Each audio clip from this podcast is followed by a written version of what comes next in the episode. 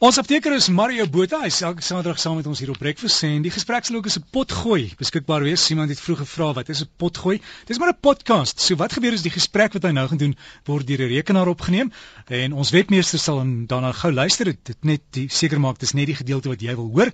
Dit op die internet beskikbaar stel en jy kan se maandag toe daar gaan kry en weer luister of aflaai en op jou iPod daar by die huis gaan luister. Mario Botha sê hallo Mario. Hallo Derrick. Ja, potgooi is nie 'n vrou wat haar man gooi met sy kwaad. Nee, nee, nee, glad nie. maar ek moet sê dit is verskriklik handig Mario want baie keer jy verwys na ja. ietsie en mense kan dit weer luister. Ek weet weet die, die rooi peper storie wat ons genoem het, verskriklik navraag het. Ek het ja. baie mense verwys na die podcast sê gaan luister weer. Verseker. Ja, dit is altyd lekker om weer te gaan luister. So want ja. mense noem baie keer iets wat nie noodwendig in my notas is nie. Ek stuur ja. die notas vir mense, maar ons gesprek is duidelik in 'n ander rigting as die notas. Maar die liefde. Ja, oh, die liefde, die liefde kan jou siek maak, dit kan jou blind maak, dit kan jou wêreld onderste bo keer, maar het dit 'n chemiese reaksie in jou liggaam? Dit het dit skei twee hormone af in die brein, dopamien en oksitosien en dit is ons liefdeshormone. So dit is die hormone wat ons laat voel daar's 'n gebondenheid na iemand of hierdie hierdie warm gevoel of hierdie geluk of hierdie butterflies in ons maag wat ons ervaar. Dit is dit is daai twee hormone wat ons afskei en as hormone afgeskei word in 'n liggaam is daar altyd 'n fisiese en 'n fisiologiese effek wat gebeur. So daai gevoel wat ons het is as ons verlief is, dis regtig so. Dit is nie sommer net in ons koppe nie. En dit is in 'n area in die brein, die limbiese area in die brein. En jy kan dit op 'n op 'n ekstraal sien. As iemand verlief is, dit is amper asof dit gloei um op hierdie ekstraal. So ja, daar's regtig 'n effek wat gebeur, maar dit kan ons gesond maak ook. Dis nie net hierdie siek gevoel nie. Ja, dit kan jou gesond maak, maar dan aan die ander kant sê net maar jy het 'n liefdesteleurstelling kan dit jou siek maak. Dit kan jou siek maak. Hulle praat ja, ons praat maar van dit ek het seer gekry.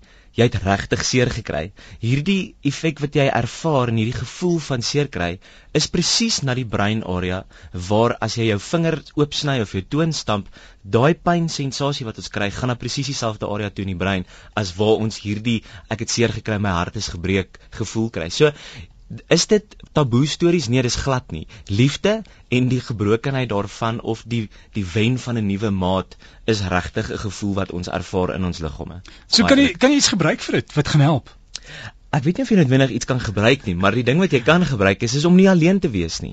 Om om iemand te hê na wie jy kan verlang of na uitsien vir hierdie terugkoms of um lief te kan hê of te kan soen, hande vas te kan hou, 'n drukkie te kan gee, is regtig voordelig vir jou en vir jou gesondheid. En daar's 'n paar dinge wat kan gedoen word. As jy 'n brief skryf vir 'n geliefde, nie nie SMS styl of Facebook nie, maar 'n brief skryf met pen en papier en daai brief vir iemand gee, is daar wetenskaplike bewyse dat dit cholesterol verlaag baie interessant. Hande vashou verminder spanning.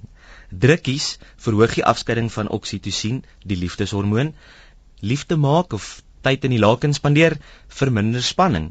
Saam gimnasium toe gaan verbeter jou uithou vermoë in die gimnasium en ons almal is dan meer gemotiveerd as daar lewensmaat saam met jou gaan. Jy lewe langer. Daar's 'n 3% kans dat jy minder vroeër sal sterf as jy 'n lewensmaat het. Jy verminder kortisol. Kortisol verhoog cholesterol in die liggaam omdat dit ons adrenalien verhoog, maar as jy dit nou verminder, dan leef jy langer, jou vel lyk beter, jy het minder spanning. Dit ehm um, mag ek jou persepsie van pyn verminder. So mense wat kroniese pyn het, stel ons voor kry vir jou lewensmaat of kry vir jou troeteldier vir wie jy kan lief wees. Ons moet nie vergeet dat dit ook dinge is waarvoor ons kan lief word nie. Ehm um, meer tyd weer tussen die lakens verhoog vroue se estrogen en dit mag lei tot gereelde dinge wat gebeur met haar op 'n gereelde tyd. En dan ook om 'n goeie vriend of lewensmaat te hê, het ons gesê, verhoog jou kanse van lewe regtig met 'n derde. So, daar is voordele aan om lief te hê, verseker. Om weer die teendeel is ook waarom ook lief te hê is daar ook 'n paar dinge wat verkeerd gaan. Jong getroudes, as hulle onder 26 jaar is en hulle trou, verhoog hulle albei se BMI indeks en dit is daai jou kilogram gedeel deur jou lengte kwadraat. En dit moet vir jou omtrent 'n getal van 20 na 25 gee, dan is ons redelik normaal. Dit is nou jou body mass index. Jou body mass index, dis ja. nou die Engels vir jou BMI. En as daai oor 25 is, dan word ons geklassifiseer as obese. Nou 'n lewensmaat wat trou met 'n ander lewensmaat wat dan 26 jaar en jonger is, is daar gevind dat hulle BMI's al hoe hoër raak. So dis nie noodwendig dalk voordelig om so jonk te trou nie. Wanneer 'n verhouding opbreek, het navorsing getoon dat daar neurologiese ooreenkomste is in die brein wat dieselfde is as pyn.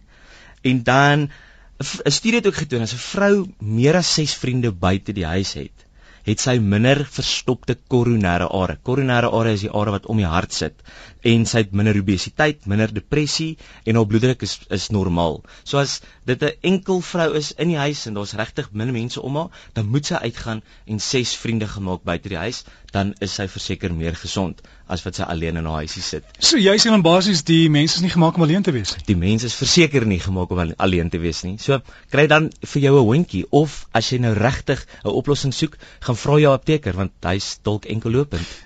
Ek weet mense wat nou 'n gehart gebroke hart het. Hulle kan van hierdie hierdie soutgoedjies koop wat jy onder die tong sit en dan los dit op en hulle sê dit dit help met die met die skok. Daar is daar is pille en tablette en kapsules en metodes op die mark om oor skok te kom want as ons 'n geliefde verloor of afgesê word dit is aaklig vir almal en daar is goed op die mark wat beskikbaar is om hierdie verskriklike emosionele dinge onder beheer te hou en net ons emosies so bietjie in stand hou. Ek is nie 'n voorstander van onderdruk die emosies nie. Vir my voel ek eerder laat loop, laat die trane vloei en wees maar snotterig vir 'n dag of twee en daarna dit is maar deel van ons herstelproses. Maar met Valentynsdag so naby, kom ons kyk eerder na die betere en hê lief. So jy gaan nie vir jou geliefde 'n uh, pakkie kalmeer tablette gee vir botteltjie Valentynsdag. Nee, koop eerder goeie sjokolade. Dis dalk beter vir sy gesondheid as tablette. Dis goed vir jou, die swart sjokolade, die donker een. Donker, 70% ja. 75% kakao is baie goed vir ons. Baie baie baie. Also gesels ons apteker dan, uh, Mario en Mario, jy doen iets vir Valentynsdag?